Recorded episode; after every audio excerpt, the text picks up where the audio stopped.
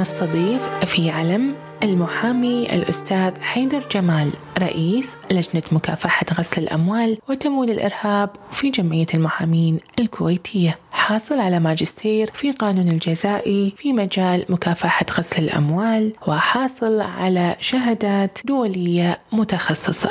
من أيكامز من الولايات المتحدة الأمريكية وشهادة ICA من بريطانيا. يحدثنا عن أضرار ومخاطر جريمة غسل الأموال الاقتصادية والاجتماعية ومدى تأثير هذه الجريمة علينا نحن كأفراد. في البداية أرحب فيك أستاذ حيدر وحياك الله الله يحييك أستاذ امل يا هلا والله فيك. مشكورة على الاستضافة ومشكورة على هذا اللقاء. وإن شاء الله يعني نطلع بشيء حلو ومفيد حق المستمعين. أتمنى أستاذ حيدر لو باختصار تعطينا ما هي جريمة غسل الأموال وماذا يترتب عليها؟ طبعا تعريفها من الجانب النظري. آه جريمة غسل الأموال آه، التعريف النظري لها هي آه، محاولة قطع الصلة بين الأموال المتأتية من مصدر جرمي بين الجريمة عفوا وبين الاموال المتاتيه من مصدر جرمي على سبيل المثال. لو نفترض أن شخص ارتكب جريمة معينة ونتج عن هذه الجريمة أموال مثلا كبيع المخدرات تاجر مخدرات باع مخدرات تحصل على أموال. فلكي يبعد الشبهات وأعين السلطات وأعين الناس عن هذه الأموال حتى لا تتم ملاحقته سيقوم عمليات لتنظيف هذه الأموال لكي تبدو أمام الناس وكأنها أموال مشروعة. فهذه تقريبا آه، هي عملية غسل الأموال. يعني بتعريف آخر نقدر نقول هي محاولة اضفاء الشرعية على أموال متأتية من مصدر غير مشروع أو مصدر جرمي لتبدو لتبدو وكأنها أموال مشروعة، يعني هذا بشكل مختصر هي هو تعريف عمليات غسل الاموال. غسل الأموال، ممتاز، كيف تختلف هذه الجريمة عن باقي الجرائم المالية وجرائم الفساد، خاصة إن البعض يتصور كل هذه الجرائم ترتكب تحت مظلة واحدة. هو إحنا دائما دائما نقول جريمة غسل الأموال هي الجريمة الثانية هي جريمة لاحقة. يعني لما نقول جريمة غسل الأموال أو عملية غسل الأموال معناتها لازم في هناك جريمة أولى. أو أو أو, أو كما تسمى في القوانين الجريمة المصدر أو الجريمة الأولية. فدائما عمل جريمة غسل الأموال هي تكون الجريمة الثانية أو اللاحقة لجريمة سابقة، الجريمة السابقة أو الأولى هي الجريمة التي تنتج الأموال، هي اللي نتحصل من عندها على أموال غير مشروعة، فمثلا جريمة الفساد لما الشخص يتحصل على أموال من جريمة فساد. هو طبعا ما راح يقدر يستخدمها لأنه وين ما يروح فيها بنك أو يسوي أي عملية تجارية أول سؤال راح ينسأل من أين لك هذا؟ فهو راح يسوي عملية غسيل أموال لكي تبدو هذه الأموال أمام السلطات وأمام الناس على أنها أموال نظيفة ومشروعة ومن مصدر مشروع فلذلك يقوم في عمليات غسل الأموال. فهي دائما تكون الجريمة الثانية للجريمه الأولى. وطبعا الجريمة الأولى جرائم متنوعة متعدده وحاليا يعني في الوقت هذا اللي الحين منتشرة جرائم الفساد يعني سواء في الكويت أو في دول أخرى يعني من العالم خاصة تحت وباء كورونا وما كورونا انتشرت هذه بعد الجريمة تحديدا. أفهم من كلامك أستاذ حيدر غاسلي الأموال عادة لا يتم ملاحقتهم فيما يتعلق بالجريمة الأولى، لماذا؟ وخاصة بأن الجريمة الثانية هي جريمة غسل الأموال ناتجة عن الجريمة الأولى التي سبقتها. نعم هو بشكل عام آه، عادة عادة يعني مش بالضرورة يعني مو ضروري ولكن بشكل عام مرتكب الجريمة الأولى ما يغسل الأموال بنفسه يوكل المهمة إلى أشخاص آخرين متخصصين بعمليات غسل الاموال، طبعا ممكن يكون الشخص نفسه المرتكب الجريمة الأولى هو اللي يغسل الاموال وممكن لا أشخاص آخرين لكن هي مو مرتبطة في بعض. لا لا مو مرتبطتين. ولكن هي ناتجة عن اي ناتجة عن أموال غير مشروعة. فغاسل الأموال ممكن أن يساءل عن جريمته. يعني حتى أغلب القوانين نصت على هالشيء وحتى القانون الكويتي ممكن مساءلة الشخص عن جريمة غسل الاموال حتى في حال عدم عدم وجود حكم عن الجريمة الأولى. ممكن المساءلة؟ ممكن مساءلة الشخص عن جريمة غسل الأموال. لأنه ممكن على سبيل المثال ممكن الجريمة الأولى سقطت في التقادم مثلا. ممكن الجريمة الأولى ارتكبت في دولة أخرى. على سبيل المثال نتكلم عن تجارة مخدرات. نفترض جدلا أن تمت صفقة مخدرات. على سبيل المثال في أفغانستان. في السنوات السابقة تدرين لا كان في قانون لا كان في دولة بمعنى الدولة قضاء إلى آخره. والمافيات والعصابات في تجارة مخدرات كانوا منتشرين صحيح. نفترض جدلا تمت عملية تجا... صفقة بيع مخدرات في أفغانستان وتم تحويل الأموال إلى الكويت. زين مستحيل نقدر نصدر حكم. إحنا على صفقة تجارة المخدرات في أفغانستان. فهل معناتها لا نستطيع أن نلاحق عملية غسل الأموال؟ فهي غير مرتبطة في مجرد أن تقوم النيابة بإثبات أن الأموال متأتية من مصدر غير مشروع فهذا كافي للسير قدما في عملية المساءلة عن جريمة غسل الأموال. أنت ذكرت الجريمة الأولى لا تسقط بالتقادم. لا عفوا الجريمة الأولى ممكن أن تسقط في التقادم. تسقط. الجريمة الثانية لا تسقط. لا تسقط، جريمة غسل الأموال لا تسقط بالتقادم ابدا. فممكن الشخص يسأل عنها ولو بعد 30 سنة يعني.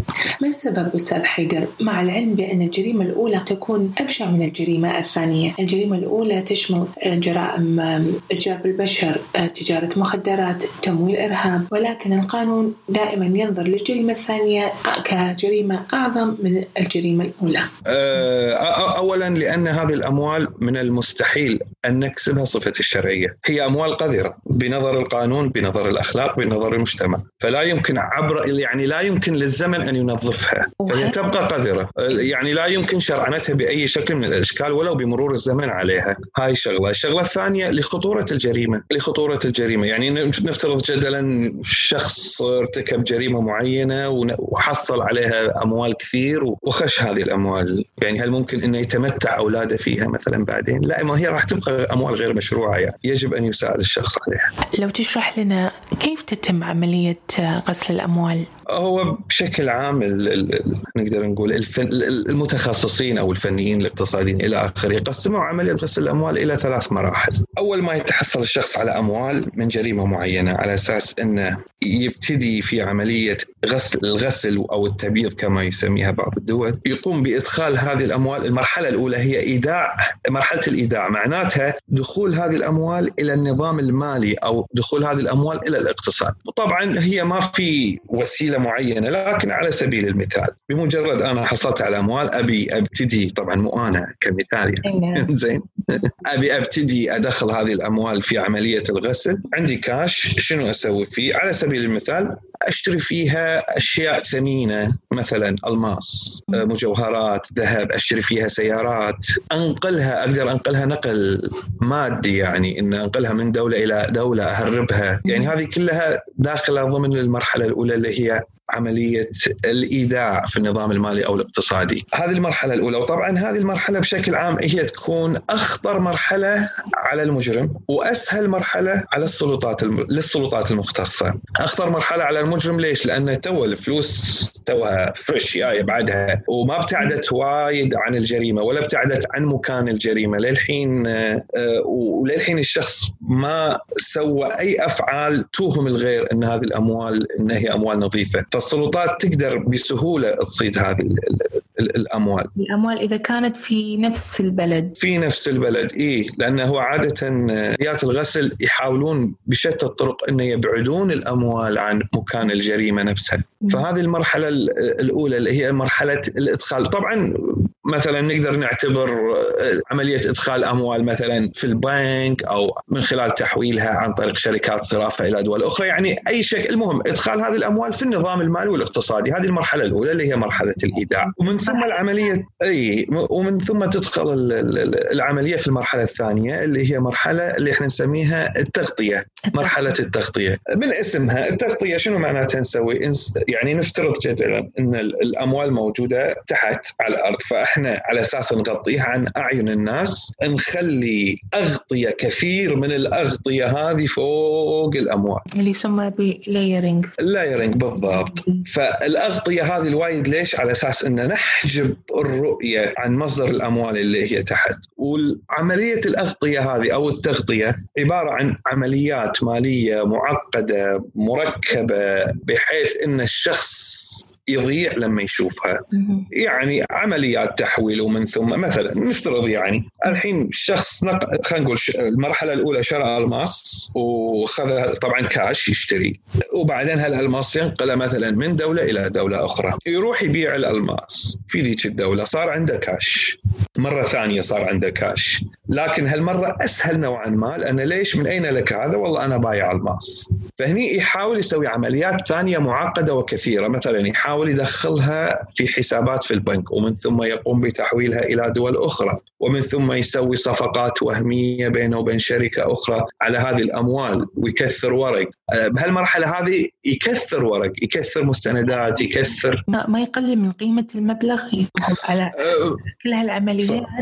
صحيح صحيح لأن غاسل الأموال يقول لك بشكل عام مستعد انه يخسر 50% من المبلغ في سبيل إنه يتحصل على أموال مغسولة. 50% الثانية يقدر يستفيد منها. يعني مثلا واحد عنده 10 ملايين وما يقدر يستفيد منها لأنها أموال قذرة. إيه مو تعبان. أوكي. اي لا بس ما ما يستفيد منها أساسا لأن ما راح يقدر يسوي شيء يعني لأن من أين لك هذا؟ فعادي يتنازل عن 50% في سبيل إنه يقدر 5 ملايين يقدر يستخدمها ويشتري أي شيء ويسوي صفقات تجارية وإلى آخره. فالمرحلة الثانية هذه عمليات كثيرة معقدة تتسم بالطابع الدولي عادة تنتقل من دولة إلى أخرى ويكثر مستندات سواء وهمية أو مستندات حقيقية يكثر ورق على قولتك هذه المرحلة الثانية وحتى وإن كانت مش رسمية.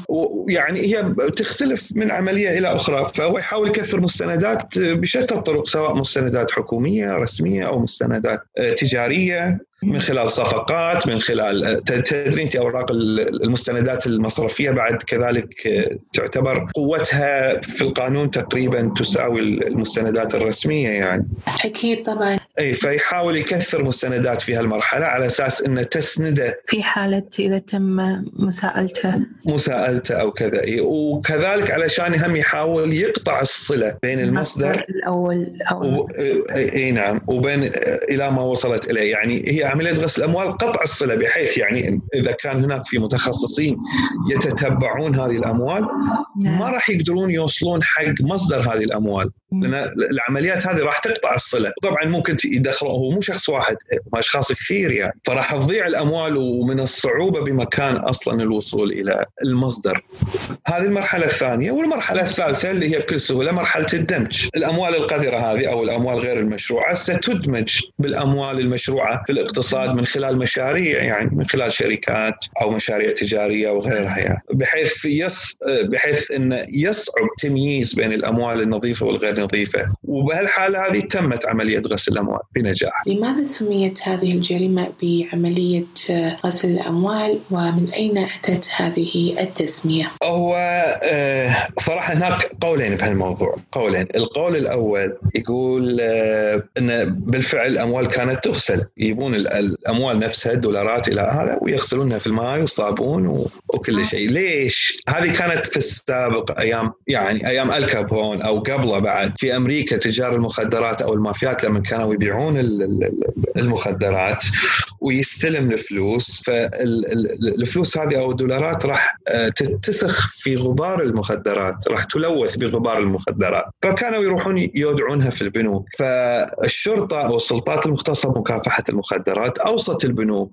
في حال أن أي شخص أودع دولارات متسخة بغبار المخدرات يتم إبلاغ. أعطونا خبر على أساس نعرف منو وانت ملاحقته بعملية تجارة المخدرات. إيه. فتجار المخدرات صاروا يسوون؟ صاروا يغسلون الأموال يغسلونها بالفعل يعني يغسلونها بماء وصابون وكل شيء وبالتالي يروحون يدعونها في البنوك هذا القول الأول. هذا الرواية والرواية إيه. الرواية الثانية يقول لك بعد إن بعد ما انتج خاصة في 1920 وما بعدها يعني هذا أيام عز الكابون. الكابون إيه؟ وكان اي كان عنده يعني مافيا كبيرة في تجارة المخدرات وإلى آخره من هذه الأمور، كذلك كان آه، تاجر مخدرات فكان يبي يحاول يودع هذه الفلوس نعم. في البنوك آه، لكن على أساس إنه ما يثير الشبهات فاشترى آه، أو أنشأ الكثير من محلات غسيل الملابس اللي هو ال laundries يعني.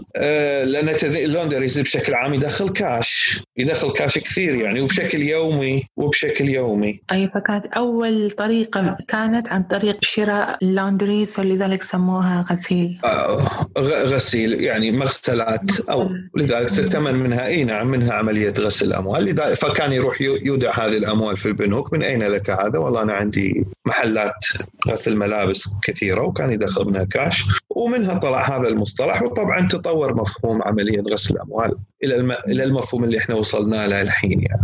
تعتبر قوانين غسل الأموال من القوانين الحديثة، أول نص دولي كان في معاهدة فيينا في عام 88 لو تكلمنا أستاذ حيدر عن التطور اللي صار وانعكاسه على تنظيم قوانين لمكافحة غسل الأموال ومن جانب آخر دور هذه الاتفاقيات الاتفاقية الدولية اتفاقية الأمم المتحدة المتعلقة بمكافحة المخدرات والمؤثرات العقلية. أول نص دولي تطرق إلى جرائم غسل الأموال اللي هو اتفاقية فيينا. لما نصت على أن تكافح جريمة المخدرات من خلال مكافحة غسل الأموال للأموال التي تنتج عن تجارة المخدرات. فبداية أول نص دولي كانت من هذا التاريخ صحيح.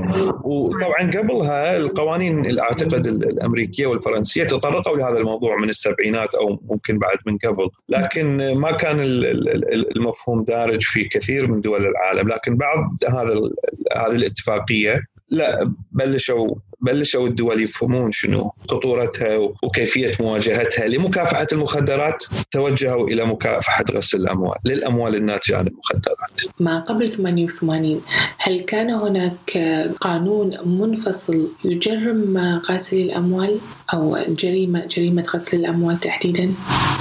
طبعا طبعا. بس ما كانت لكن عمليات غسل الأموال. آه، هي عمليات غسل الأموال. أنا قلت لك يعني القانون الأمريكي الفرنسي أو ممكن بعض الدول لكنها محدودة جدا. كانت عندهم نصوص داخلية.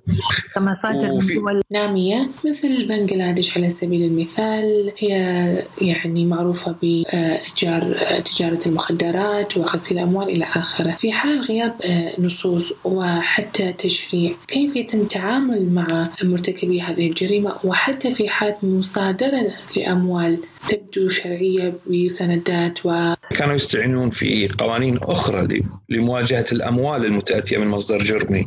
يعني في كان يعني حتى في الدول العربية في الكويت مصر إلى آخره يعني أغلب الدول كانوا بشكل عام يتجهون إلى مواد مثلا إخفاء المتحصلات من الجرائم على سبيل المثال أنه يعتبرون هذا لكن ما كانت ما كان التجريم يعني يرتقي إلى مستوى الحدث. تطور هو تحديدا يعني نكون صريحين بعد أحداث 11 سبتمبر بعد أحداث 11 سبتمبر. طبعا أمريكا أربطت بين جريمة غسل الأموال وتمويل الإرهاب. صار في ربط صار في ربط بينهم لأن الأساليب تتشابه. وأعتقد الإرهابيين اللي فجروا الورلد أب...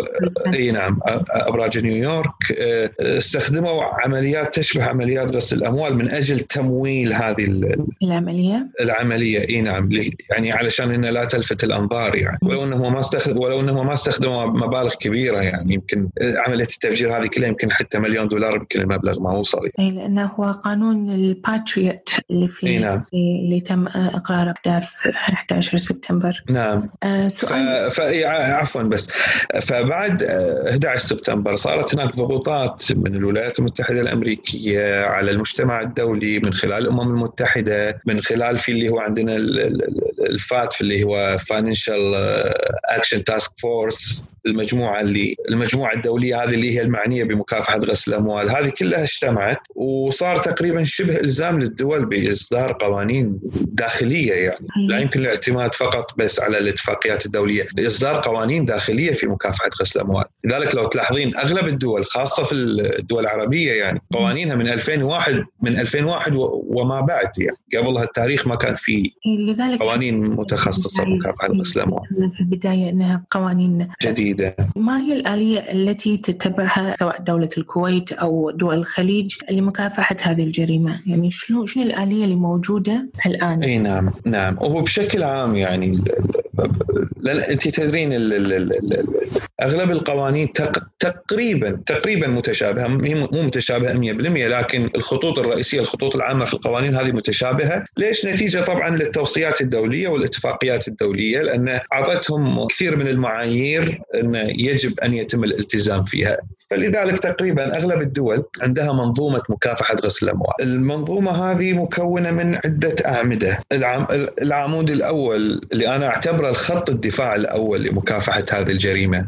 إي نعم. تذك... تذكرين مساء لما تكلمنا عن المراحل قلنا المرحلة الأولى إدخال الأموال إلى النظام المالي أو الاقتصادي. نعم. زين الأموال كيف تدخل إلى النظام المالي أو الاقتصادي؟ من عن طريق البنوك بالضبط بالضبط فالع... فأغلب القوانين حددت الكثير من الجهات العاملة في القطاع الخاص على سبيل المثال البنوك، شركات الصرافة، شركات التأمين، الاستثمار، شركات أو مؤسسات تجارة الذهب والمعادن الثمينة، تجار العقار، الوسطاء الماليين، الشركات العاملة في البورصة، يعني لستة طويلة يعني ممكن من 30 35 نشاط، مجملها يعني أغلب دول العالم متفقين على هذه الأنشطة، في سبيل مكافحة غسل الأموال، القوانين ألزمت هذه الجهات كلها بالتزامات معينة. نعم. فقط لكشف عمليات غسل الأموال ولمنعها كذلك قبل وقوعها، فالعمود الأول في سبيل مكافحة غسل الأموال هي هذه الجهات لأن هي الخطوة الأولى التي ستواجه في هذه الجريمة، الخط الدفاع الأول، لأن غسل الأموال أول ما يتوجه إلى النظام المالي والاقتصادي عن طريقهم هم، فإذا تم اختراق هذا الخط خلينا نقول غسل الأموال راح يستمر في العملية نفسها. بس من الصعب من البنوك يرفضون أي مبلغ. صحيح لكن في نفس الوقت البنوك عليها التزامات كثيرة من أجل كشف عملية غسل الأموال، على سبيل المثال لو أن شخص راح يبي يودع مليون دينار مثلا في البنك، البنوك عليها كثير من الالتزامات، أول شيء لازم يأخذون بطاقته المدنية أو يعني الهوية الشخصية بشكل عام، طبعا هذه التزامات بكل دول العالم يعني مو بس في الكويت، يتأكدون من هويته، صلاحيتها، يأخذون اسمه، عنوانه، شنو يشتغل، هل عنده شركات، إذا كان بيفتح حساب يسألونه من مصادر دخله شنو؟ هل إنه هو موظف؟ هل هو تاجر؟ وإذا هو تاجر شنو تجارته؟ شنو شركته؟ شنو الدخل الوارد يعني عرفت مثل عملية تحقق كاملة من الشخص اللي هو إحنا نسميه KYC اللي هو know your client أو know your customer عند اللزوم كذلك يسالونه مصدر هذه الأموال من وين؟ فإذا شافوا إن ال CV ماله أو ال data اللي هو أعطاها تتناسب ويا المبلغ اللي هو جايبه وطبعا هم لازم يتحققون من صحتها بعد. فإذا شافوا إنها تتناسب وما تثير أي ريبة أو شك أوكي تمشي العملية. إذا شافوا لا والله في شبهة بدون ما يقولون لا يروحون يبلغون العمود الثاني في المنظومة في حال الشبهة. العمود الثاني اللي هي وحدة التحريات المالية. وطبعا لازم هني يكون الإخطار سري إن في حال انه شكوا في عميل. طبعا سواء البنوك أو أي شركة من الشركات أو المؤسسات أو الأنشطة التجارية اللي تكلمنا عنها. وحدة التحريات المالية. شنو دورها غير دور الرقابي والكشف عن هذه الجرائم؟ هي أو يعني هي الجهة المختصة في التحقق من شبهة عملية غسل الأموال. يعني في حال لو إن أي جهة من الجهات هذه شك أو صار عنده شبهة أو ريبة بعملية من العمليات أو على شخص من الأشخاص يخطرون الوحدة طبعا بشكل سري بدون ما يعلمون هذا العميل. الوحدة تتحقق. الوحدة عندها صلاحيات إنها تطلب أي معلومة من أي جهة حكومية وكذلك من أي جهة من الجهات اللي إحنا تكلمنا عنهم بحيث يتحققون من الوضع المالي ومن الأنشطة التجارية للشخص المشتبه فيه. هي يعني عبارة عن تحريات مالية صحيح لكنها تتحرى عن معلومات هي تتعامل مع معلومات تجمع document تجمع data تجمع information من كل الجهات سواء محلية أو دولية. يعني حتى دوليا تقدر تطلب معلومات من أي جهات نظيرة يعني اللي هي الجهات اللي مثلها. يعني مثلا وحده التحريات المالية الكويتية ممكن تطلب مثلا أنا بالضبط صراحة ما أدري يمكن هيئة مكافأة. نسيت في قطر شنو اسمها لكن اللي هي الشبيهه لها في قطر أو في السعودية أو في الإمارات في في البحرين وفي كل دول العالم ممكن تطلب معلومات. فهي تقدر لما تجمع المعلومات كلها وتشوف هل هي منطقية مو منطقية هل في هل المعلومات تؤكد الشبهة ولا تبرأ من هذه الشبهة؟ بس هي معظمها شركات فلذلك انه صعب أحيانا حتى تلقى أسامي لناس لهم بورتفوليو لهم باع طويل في مجال التجارة. أو أشخاص أصحاب مناصب فبالتالي يصعب عملية تتبع الأموال. هو صحيح كلامك لكن إن الأموال نفسها ممكن أن يتبعونها يشوفونها يعني يعني يردون يحاولون يمثلون الخطوات اللي مشت فيها الأموال. يشوفون هل كانت منطقية هل مو مو منطقية. إلى أن يوصلون يحاولون يوصلون لمصدرها. لكن إذا ما قدروا يوصلون لمصدر مقنع هني معناتها في شبهة. معناتها هني أكدت الشبهة. لأن إذا لو كانت هي أموال نظيفة ليش ما نقدر نوصل حق مصدرها؟ لو هي كانت أموال نظيفة. خاصة انهم قلت لك عندهم صلاحيات واسعة بطلب أي معلومة من أي جهة حكومية أو من أي جهة عاملة في سوق العمل. يعني بنوك شركات وغيرها. فيقدرون يتبعون الأموال إلى أن يوصلون لمصدرها. وحتى لو كانت آتية من الخارج يقدرون يتواصلون مع الخارج للوصول إلى هذه الأموال. طبعا هذا في حال وجود اتفاقية مبرمة ما بين الدول. صحيح لكن في عندنا إحنا بعض يعني على سبيل المثال في عندنا شيء اسمه Egmont Egmont هذا مثل اتحاد دولي لوحدات التحريات المالية أو هيئات مكافحة غسل الأموال. فعن طريق هذا الاتحاد صار في تعاون بين الدول يعني أي دولة تنضم إلى هذا الاتحاد فمعناته هي تبدي استعدادها لتلقي أي طلب مساعدة من أي دولة كانت. فالاتحاد نظم وسهل هذه العملية يعني. فهذا يسهل يعني. ذكرنا من شوي بأن غسل الأموال دائما يستهدفون أصحاب المناصب القيادية ولكن آه، قد يغفل البعض عن موضوع بأن يترتب على أصحاب المناصب القيادية الشدة في العقوبة. يا ريتك بس تشرح لنا. نعم نعم بالضبط. لو تشرح بس أي. الناس وايد آه يعني ال ال القانون بشكل عام إحنا مو قلنا إنه فرض العديد من الالتزامات على البنوك والشركات وإلى آخره فرض العديد من الالتزامات عليهم. آه لكن القانون قسم هذه الالتزامات أو هذه الإجراءات مع العملاء آه إلى ثلاث أنواع من الإجراءات. إجراءات مخففة وهي عادة استثنائية يعني أعتقد يعني من الصعب جدا تطبيقها المخففة. الإجراءات العادية زين اللي هي يجب أن تتخذ مع كل العملاء. اللي هي الإجراءات الواجبة يعني. بالإضافة إلى الإجراءات المشددة. الإجراءات المشددة تفرض على منو؟ اولا تفرض على اللي يعني كما تسميهم القوانين والاتفاقيات الدولية الأشخاص المعرضين سياسيا. الأشخاص المعرضين سياسيا منو هم؟ هم كل الأشخاص العاملين أو القيادات سواء في السلطة التنفيذية التشريعية القضائية العاملين مثلا في الشرطة والجيش آه، العاملين مثلا في المنظمات الدولية اللي لهم مناصب كبيرة في الدولة اللي يعني طبعا تختلف تعريفها من دولة إلى دولة لكن بشكل بشكل عام قيادات الدولة يعني قيادات الدولة السياسية. فهذول تفرض عليهم إجراءات مشددة جدا يفترض يعني إنهم ممكن الحين في بعض الدول إن هذول السياسيين يستغلون مناصبهم ومواقعهم في الضغط على البنك لتسهيل عملياتهم وكثير من البنوك أصلا ممكن يسهلون يعني يقول لك والله هذا سياسي بالعكس يعني نمشي له شغلة ممكن يمشي لنا شغلنا. يعني الشغل صاير من تحت الطاولة لكن أنا أتكلم الحين نظريا آه، يجب على جميع البنوك والشركات أي شركات كانت إنها تتعامل بشدة مع هذه الفئة السياسية الأشخاص المعارضة سياسيا. فعليهم إجراءات مشددة جدا يعني يعني ممكن يكون مزعجة أحيانا يعني. تخيلي مثلا وزير رايح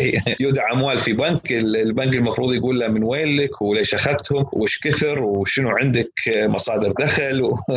هل تتوقعين مزاج الوزير راح يتقبل هالشيء هذا يعني. طبعا وبعضهم لهم حصانة ومعاملة خاصة. نعم. لو تكلمنا شوي عن دور فاتف إن نعم. طبعا منظمة. هي مش منظمة هي مجموعة دولية. مجموعة العمل المالي نعم. نعم. هي قانونيا هي ما ينطبق عليها مصطلح المنظمة هي تجمع عدد من الدول. نعم, نعم. في 1989 هو أنشئت هذه المجموعة من الدول المالية السبع. بداية ومن ثم انضمت لها كثير من الدول والمنظمات ودول مجلس التعاون كانت من أول المنظمات اللي انضمت. كمنظمة مش كدول كمنظمة مجلس التعاون انضم إلى هذه المجموعة. هذه المجموعة هي متخصصة في إعطاء أفضل الممارسات في سبيل مكافحة غسل الأموال. لذلك آه، أعطت 40 توصية اللي هو يعني المصطلح الدارج التوصيات ال40 في مجال مكافحة غسل الأموال زائد تسع توصيات خاصة بمكافحة تمويل الإرهاب. لأن أنا قلت لك في ارتباط وثيق بين عمليات غسل الأموال وتمويل الإرهاب. لذلك عادة كل ما نذكر آه، التزامات متعلقة بمكافحة غسل الاموال نذكر وياها تمويل الارهاب لتشابه للتشابه الكبير بينهم مع اختلافات بسيطة ممكن نذكر بعضها بعدين يعني. إي ممتاز. فالتوصيات هذه هي أفضل الممارسات في سبيل مكافحة غسل الأموال وتمويل الإرهاب ولكن تدرين الأنظمة القانونية تختلف من دولة إلى دولة، لذلك هي عطت الحد الأدنى منها أو عطت عدة خيارات وكل واحد أو يعني كل دولة تختار ما يناسبها من هذه الخيارات. إي تعرف طبعا هذه وعلى حسب كل دولة شلون تسخر الآلية على حسب بالضبط.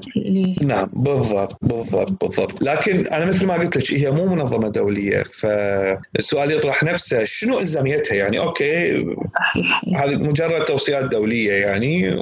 مثلا أي دولة من الدول تقول أنا ما أبي ألتزم فيها. لكن مثل ما قلت لك عقب سنة 2001 اللي صارت الضجة العالمية والكل يبي يواجه عمليات غسل الاموال والتمويل الارهابي إلى آخره. التوصيات هذه تم اعتمادها من قبل الصندوق الدولي. الصندوق الدولي صندوق النقد الدولي. وانت تدرين صندوق النقد الدولي هو أحد أجهزة الأمم المتحدة يعني. فصار تبنى الصندوق النقد الدولي والأمم المتحدة. هذه التوصيات بحيث صار صندوق النقد الدولي إنه يقول أنا مثلا ما أقدم قروض ما أقدم مساعدات مالية اقتصادية غيرها غيرها غيرها إلى أي دولة لا تلتزم بهذه التوصيات. فمن هنا اكتسبت أهمية هذه التوصيات. من من هالجزئيه هذه. أي. وإضافة إلى ذلك ان وشرعيتها بعد يعني فلذلك إي نعم إي نعم صار لها قوة وشرعيه من من هالناحيه لاعتمادها من قبل يعني الأمم المتحدة وصندوق النقد الدولي. لذلك صارت الدول ملزمة. هذا هذا هذا جزء. الجزء الثاني FATF سوى عنده قوائم. هي black list أو قوائم الدول الغير ملتزمة قوائم كذا كذا. وصار يدرج الدول كل دولة حسب مدى التزامها.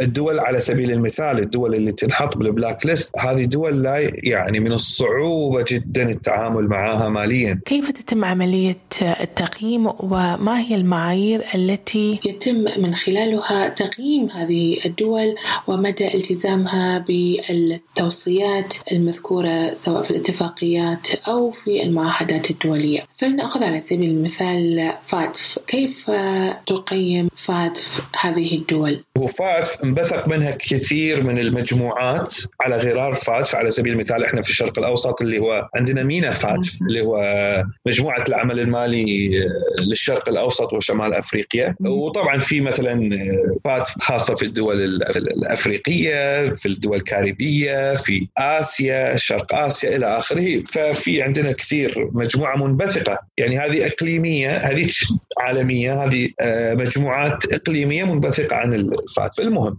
على سبيل المثال إحنا عندنا ملفات يبون يقيمون الوضع. في إحدى الدول. يسوون آه تقييم. التقييم شلون؟ يكونون فريق من الدول الأعضاء من الدول المجموعة يكونون فريق متخصص يسافر إلى هذه الدولة يبقى فيها شهر شهرين ثلاث يسوي مثل عملية فحص كلي لكل شيء. على سبيل المثال يتأكدون هل إن الدولة عندها تشريعات كاملة متكاملة؟ ولا لا؟ تتوافق طبعا مع التوصيات ولا لا؟ يشوفون هل الأجهزة جادة الأجهزة المتخصصة يعني هل الأجهزة جادة؟ وهل الإجراءات التي تتخذها فاعلة ولا لا؟ يشوفون هل البنوك هل الشركات التأمين الصرافة إلى آخره كلهم ملتزمين ولا لا؟ أه تخيلي انه يوصلون إلى أن مثلا هل هذه الشركات كلها مثلا أرسلت اخطارات إلى مثلا وحدة التحريات ولا لا؟ كم اخطار وصل حق وحدة التحريات؟ وكم اخطار تم تحويله من وحدة التحريات إلى النيابه وكم بلاغ أو كم دعوة تمت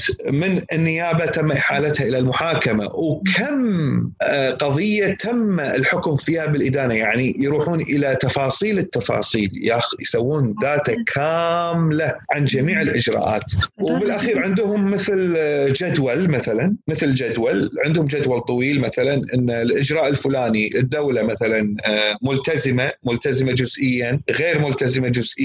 غير ملتزمة تماما. وجدول طويل عريض وزائد الإحصائيات ففي كثير من المعايير هي اللي تحكم إن هل الدولة هذه ملتزمة أو غير ملتزمة. ومن ثم بعد هذا التقرير الشامل التقييم الشامل هذا من بعد التقييم الشامل تصدر توصيات إلى الدولة إن عليش أن تلتزمين بكذا كذا كذا كذا خلال مدة معينة ويتم التحقق إن هل الدولة التزمت ولا لا من خلال تقارير متابعة إلى أن تتم الدولة إلى أن تقوم الدولة بالالتزام التام بجميع الملاحظات في ذلك الوقت يحطونها بال بال black list side يعني. لا في ال safe في ال safe side اي في حال لو ما التزمت تنحط بال black list إي نعم. نعم. شو ترتب عليها كونها في في البلاك ليست؟ إي الدولة اللي اللي تنحط بال black list راح يترتب يترتب عليها كثير من الآثار خاصة الاقتصادية. لأن يعني كثير من الشركات الدولية وحتى الدول حتى الدول إذا شافت دولة محطوطة في ال black list معناتها هذه الدولة عالية المخاطر في عمليات غسل الأموال وتمويل الارهاب لذلك يتم الابتعاد عنها. لا يتم التعامل معها ماليا أو تجاريا أو اقتصاديا. هذه شغلة. الشغلة الثانية من الجانب الآخر الشركات والمؤسسات التجارية داخل هذه الدولة اللي هي محطوطة في ال black list ما راح تلاقي أحد يتعامل وياها بكل سهولة.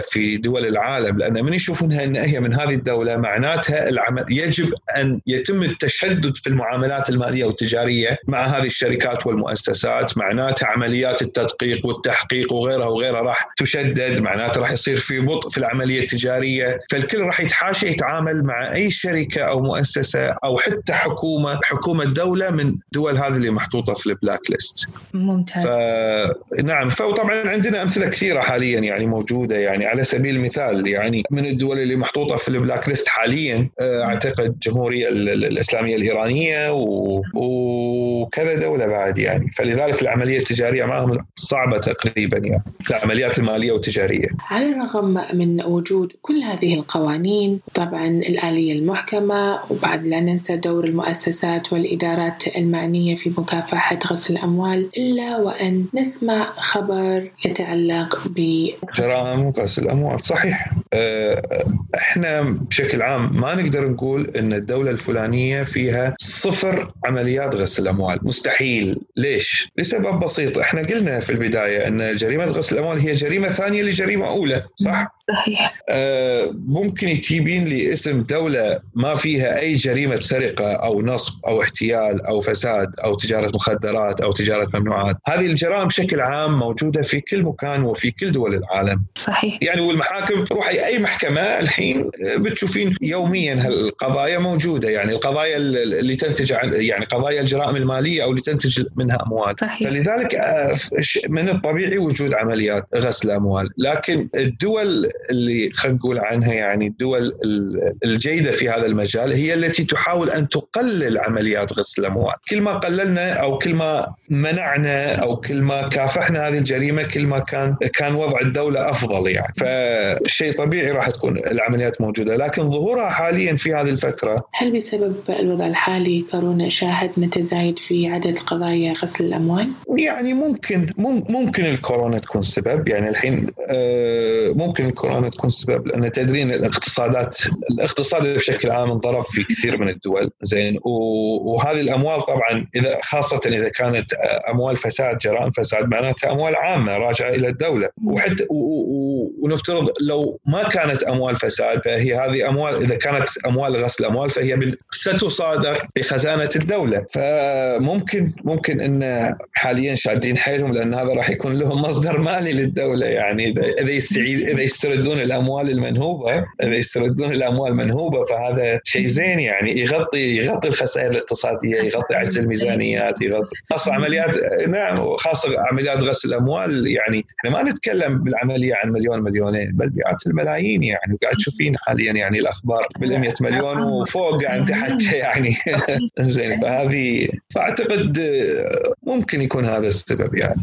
أول شيء يستردون الأموال المنهوبة للحكومة وثانيا يسدون باب الهدر يعني. كأنك تلمح بأن بعض الدول تسمح عمليات غسل الأموال مثل ما ذكرت لسداد عجز ما في الميزانية أو لانتعاش الاقتصاد. اي يعني في كثير في كثير في نعم نعم نعم. في كثير من الدول يعني خاصة دول مثلا في الكاريبية على سبيل المثال بنما اللي صارت لها ضجة من قبل تقريبا أربع خمس سنين. وفي كثير من الدول يعني حتى في جميع القارات يعني اللي هم يسمو يسمونها الجنات المالية المصطلح الدارج الجنات المالية أو الجنات المصرفية. تسهل عمليات غسل الأموال بشكل كبير يعني وترحب أصلا وتقدم جميع التسهيلات. باعتقاد منهم أن دخول الأموال إلى دولتهم سوف ينعش الاقتصاد وراح يحرك العجلة الاقتصادية راح يحسن الوضع المالي للسكان فيتم التسهيل في عمليات غسل الأموال. طبعا مو بشكل رسمي يعني لكن إنه مثلا يقول لك إحنا عندنا أنظمة مصرفية صارمة سرية يعني. أي شخص يودع أموال ممكن ينشئ شركة دون ذكر أسماء الشركاء.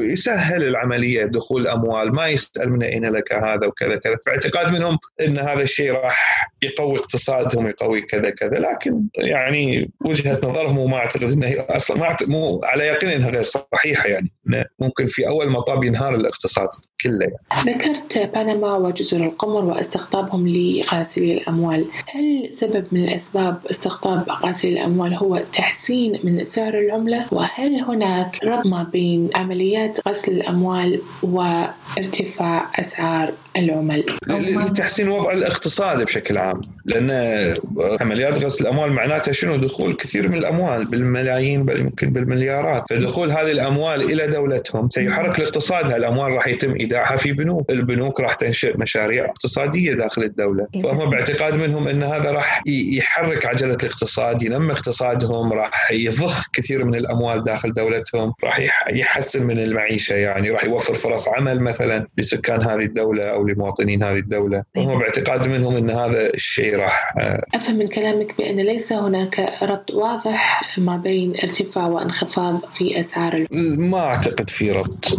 يعني ما أدري يعني إجابتي دقيقة ولا لا لكن ظاهر أنا أعتقد ما في ربط يعني. ما في ربط بين سعر العملة وعمليات غسل الأموال. لكن في ربط بين الاقتصاد وعمليات غسل الأموال. الاقتصاد ممكن يتأثر. يعني يعني على سبيل المثال نفترض إن غاس الأموال راح في دولة معينة واتجه إلى قطاع معين. على سبيل المثال القطاع السياحي الفندقي. مثلا. فضخ أموال كثيرة في مجال القطاع الفندقي شرى فنادق كذا كذا أكثر من فندق. أعطى صورة طبعا هو أكيد راح يسوي حجوزات وهمية إلى آخره على أساس إنه يدخل الأموال في البنوك من أين لك هذا؟ والله أنا عندي حجوزات فندقية إلى آخره. الدولة طبعا لما تشوف مثلا صار ازدهار في القطاع الفندقي فأكيد راح تخصص جزء من ميزانيتها على هذا القطاع لأن قاعد إي القطاع السياحي لأن تشوف مثلا عندها حجوزات على فنادق كثير وفي عندها فنادق كثير قاعد تدخل لها مدخول قوي فمعناتها لازم يستعدون لاستقبال كثير من السياح.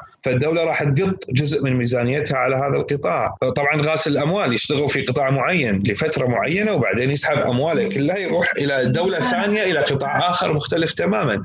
فتخيلي الدولة تخصص جزء من ميزانيتها لهذا القطاع. ومن ثم غاسلين الأموال يسحبون كل أموالهم من هذا القطاع ويصير هذا القطاع كاسد والدولة قاطعة عليه ميزانية يعني أو قاطع عليه فلوس بالميزانية. فراح يصير تشويه لميزانيتها وراح تصير أصلا يعني ميزانيتها على قولتهم غير ذات جدوى يعني غير مجدية. فراح يضرب يضرب. مثل هذا طبعا مثال على أحد الآثار السلبية على الاقتصاد بعمليات غسل الأموال.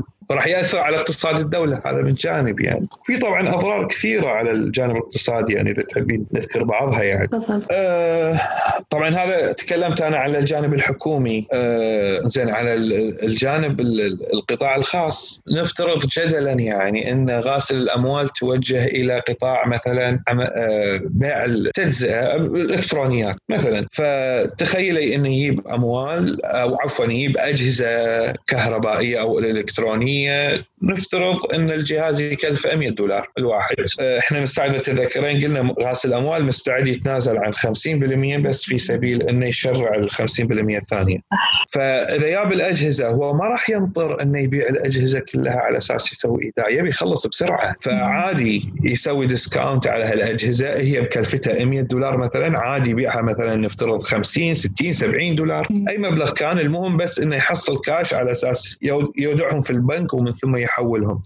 فشنو راح يكون حال الشخص النظيف أو التاجر النظيف اللي هو فعلا مكلفته 100 دولار وهو عنده أجار محل وعنده عمالة؟ شيء طبيعي يبي يبيعها مع ربح يعني راح يبيعها 120 مثلا. ما حد راح يشتري منه لأن ذا قاعد يبيع رخيص. ذا غاس الأموال مو هامة. باع بربح باع بخساره ما يهمه. مو بس التاجر هذا قطاع كامل قطاع كامل اللي هو خلينا نقول التجارة تجارة الكهربائيات والإلكترونيات. هذول مثلا عليهم قروض راح يعجزون عن سداد قروضهم. عندهم عمالة لازم يدفعون أجارات آه، أجورهم ما راح يقدرون. أجار محلات ما راح يقدرون يدفعون راح يفلسون راح يسكرون هذا راح يضرب الاقتصاد وراح يضرب التجار وراح يضر في العمال كذلك بنفس الوقت. على مجالات أخرى بعد ف... مجالات أخرى هذا طبعا مثال يعني. المطاعم كثير كثير قطاعات. لأنه هو غاسل الأموال بشكل عام. على فكرة يستغل كل شيء. يعني آه، يستغل كل شيء. كأنك تلمح حبه المطاعم لا غاسل الأموال يستغل كل شيء. آه، يعني أي شيء. يعني على سبيل المثال يعني الحين مثل ما سمعنا إنه صاروا يستخدمون مثلا مشاهير ال social media. هل كنت تتوقعين من قبل مثلا خمس سنين أو عشر سنين انه في شيء راح يصير اسمه مشاهير ال social media ويتم استغلالهم في عمليات غسل الأموال؟ لا لأنه هو أساسا فكرة مشاهير ال social media جديدة. يعني دخول الفاشينستات والمشاهير فكرة جديدة. لكن غسل الأموال هم بشكل عام غاسلين الأموال آه، يتمتعون بالذكاء لأنهم عبارة عن ناس متخصصين من قانونيين ومحاسبين و hackers و IT ومهندسين كل شيء. منظومة متكاملة جميعهم متخصصين. فدائما وأذكياء جدا فدائما يحاولون يوجدون الوسائل الجديدة التي لا تطرأ على بال آه، الجهات المتخصصة الحكومية. وعادة يقول لك يعني هذه مو قاعدة لكن بشكل عام هي كذي. يقول لك عادة غاسل الأموال متفوق على الجهات الحكومية المختصة بالمكافحة. فبينما الحك... يعني لما الحكومة أو الجهات المتخصصة تكشف هذه الوسائل هذول مكتشفين وسائل ثانية جديدة. مستغلين كل شيء حديث يعني. يستغلون التطور يستخدم يستغلون التكنولوجيا. ولان تدرين الحكومة بشكل عام. يعني بشكل عام الحكومات كلها يعني الروتين والبطء وما يهتمون بالتدريب وما يهتمون بالكفاءات وما يهتمون كذا كذا. إيه، فتطور هو مثل ما أنت ذكرت تطور الجريمة أسرع من تطور حتى القوانين اللي بالضبط بالضبط بالضبط بالضبط. هذا اللي يعني كنت أبي أقوله بالضبط. أنت مساعد أنا عندي إحصائية تقول من مجموعة نعم. 49 شركة تم جمع 11 مليار دولار كمبلغ إجمالي من جرائم غسل الأموال، الأموال التي يتم مصادرتها وين تروح؟ أه، بشكل عام أه، الدولة التي تصادر الأموال الأموال تروح إلى خزينتها، هذه يعني بشكل عام، لكن أغلب القوانين والاتفاقيات الدولية قالت انه يجب أن تكون هناك اتفاقيات سواء ثنائية أو جماعية أو معاهدات جماعية بين الدول للاتفاق على كيفية توزيع هذه الأموال، يعني نفترض إن هذه عملية غسل الأموال تمت خلال من خلال كذا دولة، لكن تم مصادرتها مثلا في الدولة الأخيرة، زين هذيك الدولة اللي مرت من خلالها عملية غسل الأموال، أو خلينا نقول الدولة اللي كانت فيها الجريمة المصدر لعمليات غسيل الأموال. كذلك آه، من حقها الطالب. ففي بعض القوانين بعض القوانين على سبيل المثال القانون الأمريكي. القانون الأمريكي يقول لك آه، آه، الأموال المنهوبة خاصة جرائم الفساد من جرائم الفساد. وتم تم مصادرتها في أمريكا. إحنا على استعداد نرجعها إلى الدولة نفسها. لكن من طريق عن طريق القنوات والوسائل القانونية. يعني يجب أن الدولة المتضررة هي تروح تطالب أمريكا انه لو سمحتوا هذه الفلوس تمت. يعني على على مستوى أخذها. مش على مستوى الافراد يعني مثلا كشركة أو كشخص تم الناس لا على مستوى دول وحتى على مستوى الأفراد. الأفراد. يعني أنا نفترض جدلا أنا يعني الحين صدر حكم من قبل كم يوم على مثلا عمليات النصب العقاري. نفترض جدلا ان وطبعا إن في كثير من العقارات كانت في أمريكا. نفترض جدلا إن هذه الأموال بعضها يعني راح إلى أمريكا وتم إثبات إن هذه الجرائم هي جرائم نصب وتم عملية غسل هذه الأموال. وذهبت هذه الأموال إلى أمريكا. ونفترض إن أمريكا صادرت هذه الأموال. أنا كمتضرر أروح إلى أمريكا أو عن طريق محامي أو ايا كان وأطالب إن أنا شخص متضرر من هذه الأموال والأموال هذه صارت عندكم. ممكن تعطوني إياها. ففي وسائل يعني. هو طبعا من دولة إلى دولة يختلف على سبيل المثال. الحين نتكلم على مستوى الحكومات مو الأفراد. مثلا ألمانيا تقول أنا مستعدة مثلا أعطي أي دولة. ألمانيا تقول هذه فلوس بما أني صادرتها تدخل خزينتي. لكن الدولة اللي تبي تاخذ من هذه الأموال يعني لها حق فيها تعالوا سووا اتفاقية معي ونتقاسم هذه الأموال. مثلا هذه ألمانيا تقول نتقاسم ما أرد لك إياها كلها. اي فبشكل عام اللي نظم هذا الموضوع الاتفاقيات الثنائية والمعاهدات الجماعية بالإضافة إلى القوانين الداخلية لكل دولة. ولكن إلى الآن يعني مين ما عندنا قاعدة واحدة. قاعدة واحدة ما عندنا لا. تعتمد على الاتفاقيات الثنائية. معاهدة جماعية اي معاهدة جماعية أنا ما شفت صراحة. يعني ممكن أكو بس أنا ما عندي فكرة عنها لكن ما شفت. اتفاقيات ثنائية في اتفاقيات بين بعض الدول. وفي بعض الدول هي أساسا أتاحت المجال للمطالبة بأي أموال منهوبة من الدول على سبيل المثال في سؤال من احد الطالبات وهو سؤال قانوني بحت. نعم. هل يشترط العلم المسبق بالجريمة أو الإدراك التام لعملية غسل الأموال؟ هو بشكل عام القوانين قالت كل من علم أن الأموال متأتية من مصدر غير مشروع أو متأتية من جرمي فالقانون افترض العلم لكن مست... ال...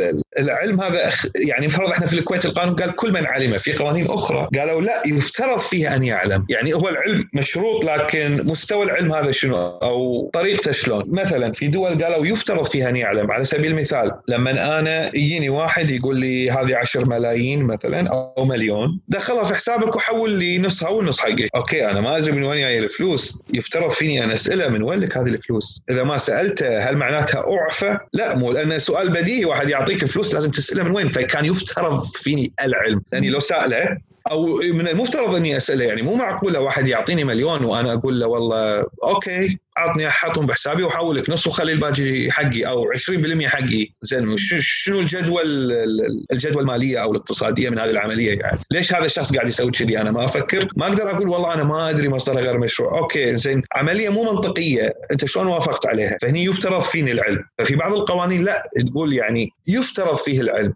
انه لو سائل أو انه خلينا نقول الإنسان الطبيعي في كذي حالة لازم يسأل أنا أمتنع عن السؤال في سبيل انه عشان بعدين أخذ عذر والله أنا ما كنت أعلم لا مو أنت كان يفترض فيك ان تعلم. في سؤال ثاني يتعلق بخطة الدفاع، ما هي خطة الدفاع الذي دائما يستند عليها للدفاع عن مرتكبي هذه الجريمة؟ تعتمد على كثير من الوسائل يعني لا يمكن حصرها يعني، لكن بشكل عام يعني بشكل عام خلينا نقول الدفاعات الرئيسية اللي عادة يتكلمون عنها. أه، أول شيء إحنا مو قلنا إن هي جريمة غسل الاموال جريمة ثانية لجريمة أولى، طبعا القانون ما اشترط وجود حكم على القضية الجريمة الأولى، لكن اشترط يجب إثبات أن أه، الأموال متأتية من مصدر جرمي، يعني مو بس مجرد إن أنا دخل بحسابي مليون وما قدرت أثبت إن هي أموال متأتية مثلا من مصدر نظيف معناتها خلاص صارت عملية غسل اموال، لا لازم على النيابة أن تثبت إن هي أموال غير مشروعة،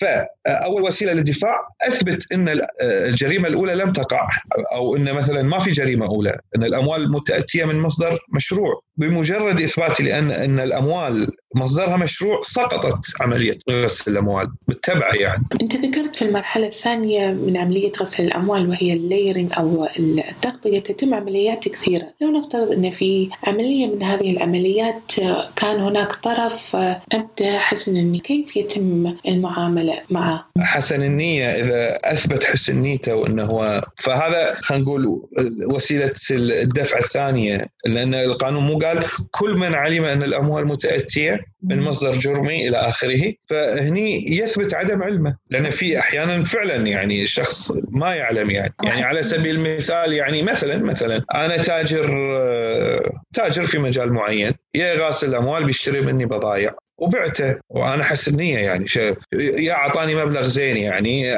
وقال أشتري منك كمية كبيرة بس سوي لي مثلا سوي بعض التسهيلات. okay مقابل مبلغ كبير أنا كتاجر مستعد أعطيك تسهيلات. بس فأنا شنو ذنبي يعني إذا صارت ان هي عملية غسل أنا ما عندي علم. لو كان عندي علم okay دشيت شريك. لو ما عندي علم أطلع منها براء فهذا الدفاع الثاني. من يعني الدفاع الأول ننسف سالفة إن هي متأتية من مصدر جرمي.